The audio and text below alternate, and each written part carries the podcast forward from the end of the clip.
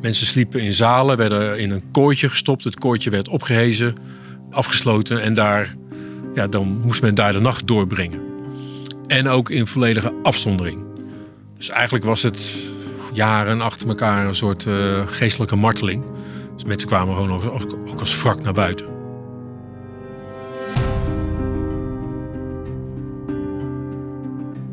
Het topstuk van deze aflevering zal niet bij iedereen even vrolijke associaties oproepen. We duiken namelijk in de geschiedenis van een plek die bijna 500 jaar als gevangenisdienst heeft gedaan.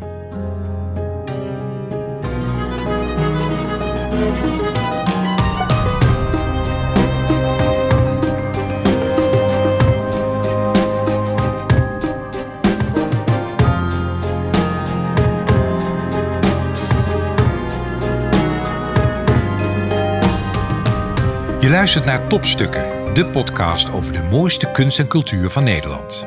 Mijn naam is Albert Verlinde. In elke aflevering praat ik met een expert van een museum of een andere culturele instelling in Nederland en stel ik de vraag: wat is jouw persoonlijke topstuk?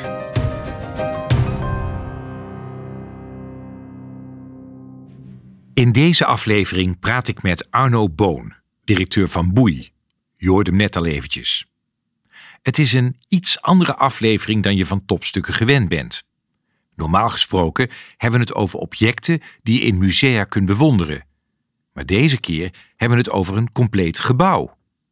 En dat heeft alles te maken met wat Boei doet. Deze organisatie zorgt er namelijk voor dat bijzondere oude gebouwen niet worden afgebroken, maar een nieuwe bestemming krijgen. Denk bijvoorbeeld aan kerken of fabrieken. Dus als je Arno vraagt naar zijn topstuk, dan kom je natuurlijk al snel uit bij een gebouw. Een gebouw dat in dit geval in Leeuwarden staat. Ja, het is uh, fenomenaal. Het is uh, eigenlijk niet één gebouw. Het is eigenlijk gewoon een, een, deel van het centrum. Eigenlijk een soort wijkje in het centrum. Het was echt een gesloten ding. En hoe heet het gebouw? Het heet de Blokhuispoortgevangenis. We hebben in Nederland een aantal hele bekende gevangenissen. Dat zijn de koepelgevangenissen. Uh, gebouwd door vader en zoon architect Metselaar. In Breda en in Haarlem.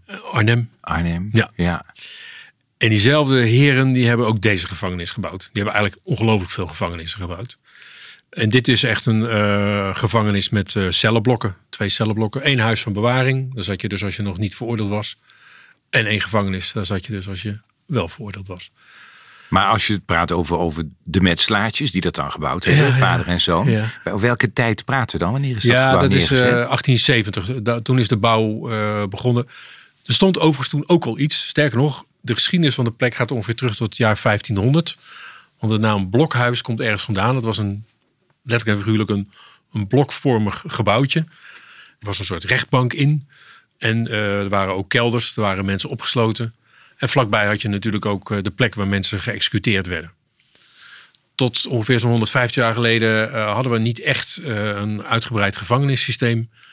ja, mensen werden gewoon een hand afgehakt of een hoofd afgehakt of we waren toen nog echt van de lijfstraf. Dat gebeurde allemaal in dit vrolijke gebouw in Leeuwarden? Nou, dus in de voorganger daarvan. Okay. Dus in 1870 is dan dit hele complex gebouwd. En je moet je voorstellen dat als Maar het je... was dus zo in het verleden. Want wij ja. denken altijd, nou het is een gevangenis. Daar ga je in en er wordt er met je gewerkt. Dat je eruit kunt ja. en dergelijke. Maar dat was allemaal niet in de begintijd. Nee, nee, nee, nee, nee. Dat ging even op een hele andere manier. Nee, kijk, in het begin had, had men ook helemaal niet het idee van dat mensen te heropvoeden zijn. Hè? Want dat is nu wel wat wij nog steeds beogen. Lukt niet altijd helemaal, maar dat is nog stel wel het streven. Nee, het was vooral opsluiten. Het was dus een soort uh, lichtere vorm, vriendelijke vorm van, van, van de doodstraf. Um, ja, er waren dus ook gevangenen die ook al vrij snel stierven, want de omstandigheden waren niet fijn. Hm. Er waren toen ook nog geen cellen. Mensen sliepen in zalen, werden in een kooitje gestopt. Het kooitje werd opgehezen, uh, afgesloten en daar, ja, dan moest men daar de nacht uh, doorbrengen. Zo. En ook in volledige afzondering. Dus eigenlijk was het ja, jaren achter elkaar een soort uh, geestelijke marteling. Dus mensen kwamen gewoon ook, ook als wrak naar buiten. Maar voor mij even, laten we ja. eens naar, naar dat, dat blokhuispoortgebouw toelopen. Wat, ja. wat zien we? Als je de trein neemt naar Leeuwarden en je loopt vanaf het station de stad binnen, dan loop je een stukje langs de, langs de gracht. Ga je een brug over.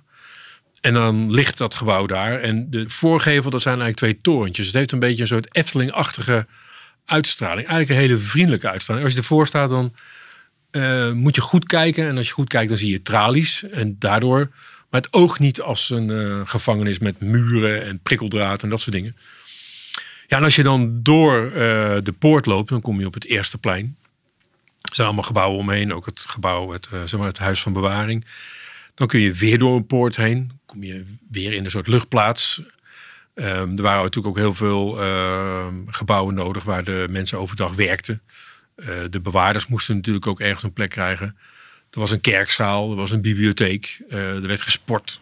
dus dat het is eigenlijk een stad in een stad. Klopt, het is echt een soort stad in een stad. Een soort verboden stad eigenlijk. Om een goed beeld te krijgen van het gebouw reizen we naar Leeuwarden af. En daar maken we kennis met een bijzonder iemand die als oud cipier lang op deze plek werkte. Mijn naam is Horst Scholz en ik was hier unithoofd. Ja, ik heb hier 25 jaar op deze vleugel moeten werken. Ja, dus ja, bijna levenslang. En hij werkt nog steeds in de Blokhuispoort. Alleen bewaakt hij nu geen gevangenen meer, maar geeft hij rondleidingen. En vertelt hij over hoe het hier vroeger was. Uh, de Blokhuispoort was slecht beroemd. Van vroeger, wat ik gehoord heb, waren wij tot 1960 de strengste gevangenis van Nederland. Dus we hebben een slechte naam in de onderwereld. En als er iemand overgeplaatst werd en die hoorde je gaat naar de Blokhuispoort in Leeuwarden, dat was net alsof die doodsvonnis hoorde. Dit kleine gedeelte is nog ouderwets. Hier zat men dus lang gestraft, gemeenschapsongeschikt. Ze bleven dus 24 uur per dag op cel. En nou, die mensen werden na die tijd, ze waren de klus kwijt. Ze wisten niet meer of het maandag of vrijdag was. En toen heeft men hier vrijdagsavond een rode loper uitgelegd. En als zaterdag die klep open ging om hun dat eten te geven... en ze zagen die lopen, dan wisten ze het is zaterdag. Dan kon ze verder gaan met tellen. Als je heel naar vroeger gaat, toen kregen ze luchten in een kooi. Dat is een uh, zogenaamde luchtkooi. En wat ze hier doen, net zoals ergens anders, er is geen bewaarder bij, maar hij kan nergens zijn. Hij heeft recht op een uur, is ook nog nooit een uur geweest, want hij staat hier alleen en uh, de muren praten niet. We hebben hier moordenaars, we hebben hier verkrachters, we zijn amateuren zo maar verder. Deze vier cellen zaten hele zware jongens. Die gebruikten we onder andere voor gijzelen. En dat zijn opgefokte jongens, dus die zetten we even apart.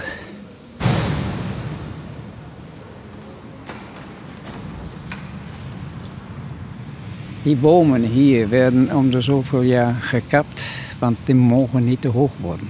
Dan klimmen ze erin en zijn weg. Pleiten. Ja, dus daar waar die uh, ramen dichtgemetseld zijn, was onze kerk. We hadden hier een pater voor de katholieken, een dominee voor de protestanten, een imam voor de moslims en we hadden een humaniste voor niet- of anders In 2006 besluit de overheid om de gevangenis te sluiten. En een paar jaar later is dan ook echt zover dat de laatste gevangenen zijn vertrokken. Op dat moment is nog onduidelijk wat met het gebouw midden in Leeuwarden moet gebeuren. Tot in 2014 Boei de Blokhuispoort in het vizier krijgt en de talloze mogelijkheden van het gebouw ziet. En we hebben dus in uh, iets meer dan drie jaar tijd dat ding helemaal gerestaureerd en, uh, en, en, verbouwd. Het allermooiste wat we zagen was dat mensen zo trots waren. En iemand zei letterlijk een keer, uh, ja, daar in de Randstad denken ze dat ze alleen maar dit soort dingen hebben. Maar wij hebben nu de Blokhuispoort. En dat was, dat was echt, het deed iets echt met de trots van mensen. Je zag ze bij wijze van spreken een paar centimeter langer worden. Maar waarom? Wat, wat sprak ze zo aan in dat hele project? Dus het ja. gebouw was wel mooi. Maar ja. was ook dat het bijna letterlijk de poorten opende? Dat gebouw uh, was natuurlijk wel al bereikbaar, maar ja, we hebben natuurlijk gewoon met heel veel respect het gerestaureerd. Nieuwe functies ingemaakt, uh, bibliotheek ook, ook wel stukken ook weggehaald. Hè. We hebben ook wel iets heel ingrijpends gedaan daar, maar daar wordt ook daar iets, aan toegevoegd. Dus de bibliotheek, het hotel, er zitten platenperserij, er zitten onderwijsinstellingen, uh, twee horeca's, allerlei bedrijfjes. Dat, dat maakt het heel leuk. En dat maakt ook dat mensen er daadwerkelijk inkomen en uitlopen. Ja, je ziet, ze, je ziet ze echt gewoon in die poort gezogen worden. Dus mensen staan altijd even te kijken voor de poort van uh, wil ik wel naar binnen. Dat is een beetje mm -hmm. spannend. Uh, maar als ze dan eenmaal doorlopen, dan is het een soort ontdekkingsreis. Op de een of andere manier doet het mensen iets. De Blokhuispoort is voor Leeuwarders altijd verboden terrein geweest. Tenzij je was veroordeeld tot gevangenisstraf natuurlijk. Maar nu ineens is het een openbare plek geworden waar iedereen zomaar binnen kan stappen om bijvoorbeeld een boek te lenen of iets te drinken. En wie nu in het gebouw rondloopt, zal niet snel over het hoofd zien waar het vroeger ook alweer voor gebruikt werd. Er zitten ook bijvoorbeeld isoleercellen. Nou, er is in de wanden van alles nog wat gekrast. hebben we allemaal zo gelaten. Want dat moet je niet mooi gaan maken, want anders dan poets je het verleden weg. Um, ik heb zelf ooit drie dagen vastgezeten omdat ik een boete niet wilde betalen ik heb toen wel ervaren hoe het is om op een gegeven moment niet over je eigen vrijheid te kunnen beschikken. En als je dan op dat belletje drukt en dat er gewoon niemand komt, dat je eigenlijk wel na 24 uur denkt: word ik nog gelucht of zo? Of uh, waarom gaat die lamp niet uit s'nachts? Dat gevoel van het kwijtraken van uh, de macht over je eigen leven, dat is misschien wel, uh, wel iets waar we ontzettend aandacht aan besteed hebben. Van hoe breng je dat nou over? Van, kinderen vinden het inderdaad spannend, maar oudere mensen wil je iets meegeven over van. Het is niet niks hè, als we mensen hun vrijheid ontnemen. Dat is, het is ook, mensen doen ook foute dingen, dat is ook waar. Maar ja. Het is geen hotel. Ja, is... Inmiddels wel, maar toen, toen, niet. Zijn, ja. er, zijn er beroemde mensen die er gezeten hebben? Ja, ja. Kijk, eentje... ik kom toch een beetje uit je shownieuwshoek. dus ik wil toch even weten wat jullie uh, sterren dan zijn. ja, we hebben twee, uh, twee sterren. Um, en het leuke is dat uh, heel veel mensen kennen ongetwijfeld de uitdrukking de kop van Jut. Ja? Maar die komt dus uit Leeuwarden. Want het was dus uh, van Hendrik Jut. Die in 1872 een rijke weduwe vermoordde en, uh, en haar dienstmeid. Hij werd een paar jaar later gearresteerd. En volgde ook, ook voor die tijd, want ook toen hadden we al kranten en, en media en een sensationeel proces. Nou, hij kreeg levenslang voor de dubbele moord. Maar eigenlijk vonden heel veel mensen dat niet genoeg. Uh, dus ze vonden dat hij uh, ah. de doodstraf moest krijgen. Ja, een andere was natuurlijk een hele, een hele bekende, in ieder geval in de jaren uh, 70, is uh, AGM. die brandkluizen openbranden. Oh, ja. en het, het fraaie natuurlijk is ook weer dat zo'n man dan dus ook weer ontsnapt uit de gevangenis. Hè, van, en als je dus in die gevangenis, als je in die Bokkerspoort rondloopt, denk je van, hier kun je dus niet zomaar uit ontsnappen of zo. Maar toch lukt het, hè? Want je, je vertelt eigenlijk dat er drie poorten zijn waar je doorheen moet voor je naar buiten gaat. Ja, en, en, uh, en een muur. En er was van twee zijders is gewoon een gracht. Eerst zelfs drie zijders. En daar stonden gewoon grote lampen. En uh, daar, daar kon je niet zomaar weg. Behalve AGM in de jaren 70 lukt het ook een aantal anderen om te ontsnappen uit de zeer goed beveiligde gevangenis. In de Tweede Wereldoorlog gebruikten de Duitsers de blokhuispoort om verzetstrijders op te sluiten. Maar op 8 december 1944 weet een verzetsgroep flink wat kameraden uit de gevangenis te bevrijden. Alle 51 verzetsstrijders zijn bevrijd. Er is geen schot gevallen en daarom hebben die Duitsers ook geen represailles genomen. Uniek in de wereld. En die bevrijders droegen Duitse uniformen. En waarom? Aan de overkant, hier is alleen maar nog de kanaal tussen, was het hoofdkwartier van de Duitse Wehrmacht. En die zijn er ingestonken omdat zij ook Duitse uniformen droegen. Eenmaal hier in de gang, snel de uniform uit en hebben zogenaamd de bewaarders overvallen. Iedereen is naar buiten gekomen, geen schot gevallen. Alleen de bevrijders zelf hadden al afscheid genomen van de familie. Want ze wisten niet of ze hier wel levend weer eruit kwamen. Maar ook zij zijn naar buiten gekomen. En die laatste had een peperbusje bij zich. Want ze verwachten dat die Duitsers speurhonden op mensen zetten. Hebben ze niet gedaan. Ik denk om het feit dat in 1944 daar 51 mensen zijn bevrijd, verzetslieden. Dus mensen die zich in hebben gezet voor onze vrijheid. Dat maakt het voor mij het topstuk. De Blokhuispoort is verbonden met talloze herinneringen en vaak niet de allervrolijkste. Dat maakt het des te specialer dat de plek is omgetoverd tot een inspirerende ontmoetingsplek. Wie had dat ooit gedacht? Gewoonweg, eh, alles wat nu hier nog staat, is verhuurd. Ja, eh, er, er zit van alles daarboven. Hiernaast is het eh, restaurant, de proefverlof. En verder, dat gedeelte daar, die maken LP's. Dus dat was vroeger onze kantine voor het personeel. Ateliers in zoverre, nou op uh, A-vleugel straks helemaal kleine boutiquejes. En het grootste gedeelte is hostel. Nou, dus die bovenste etage en in de midden die halve etage, dus anderhalf etage, is hostel. En ze zijn flink uitverkocht daar. Iedereen wil in de, in de bijen slapen. Die jongens wouden eruit en zij gaan erin. Ik vind dat mooi. Ik ben er blij om.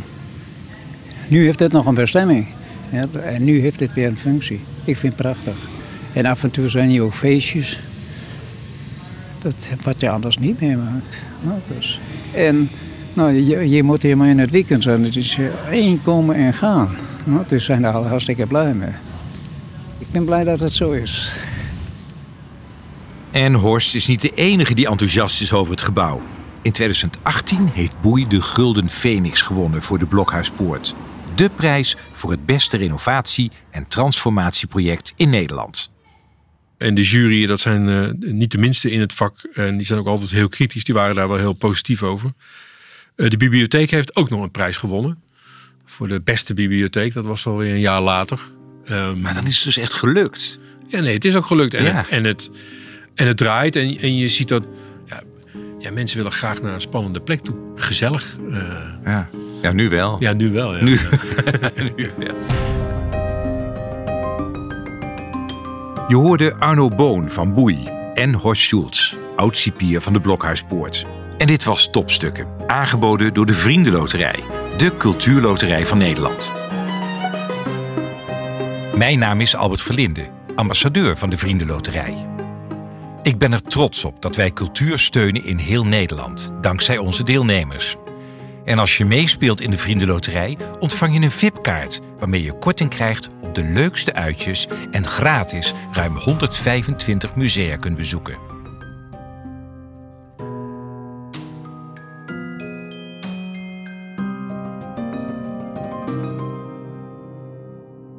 Benieuwd naar meer mooie verhalen? Abonneer je dan gratis op Topstukken in je favoriete podcast-app of ga naar topstukkendepodcast.nl.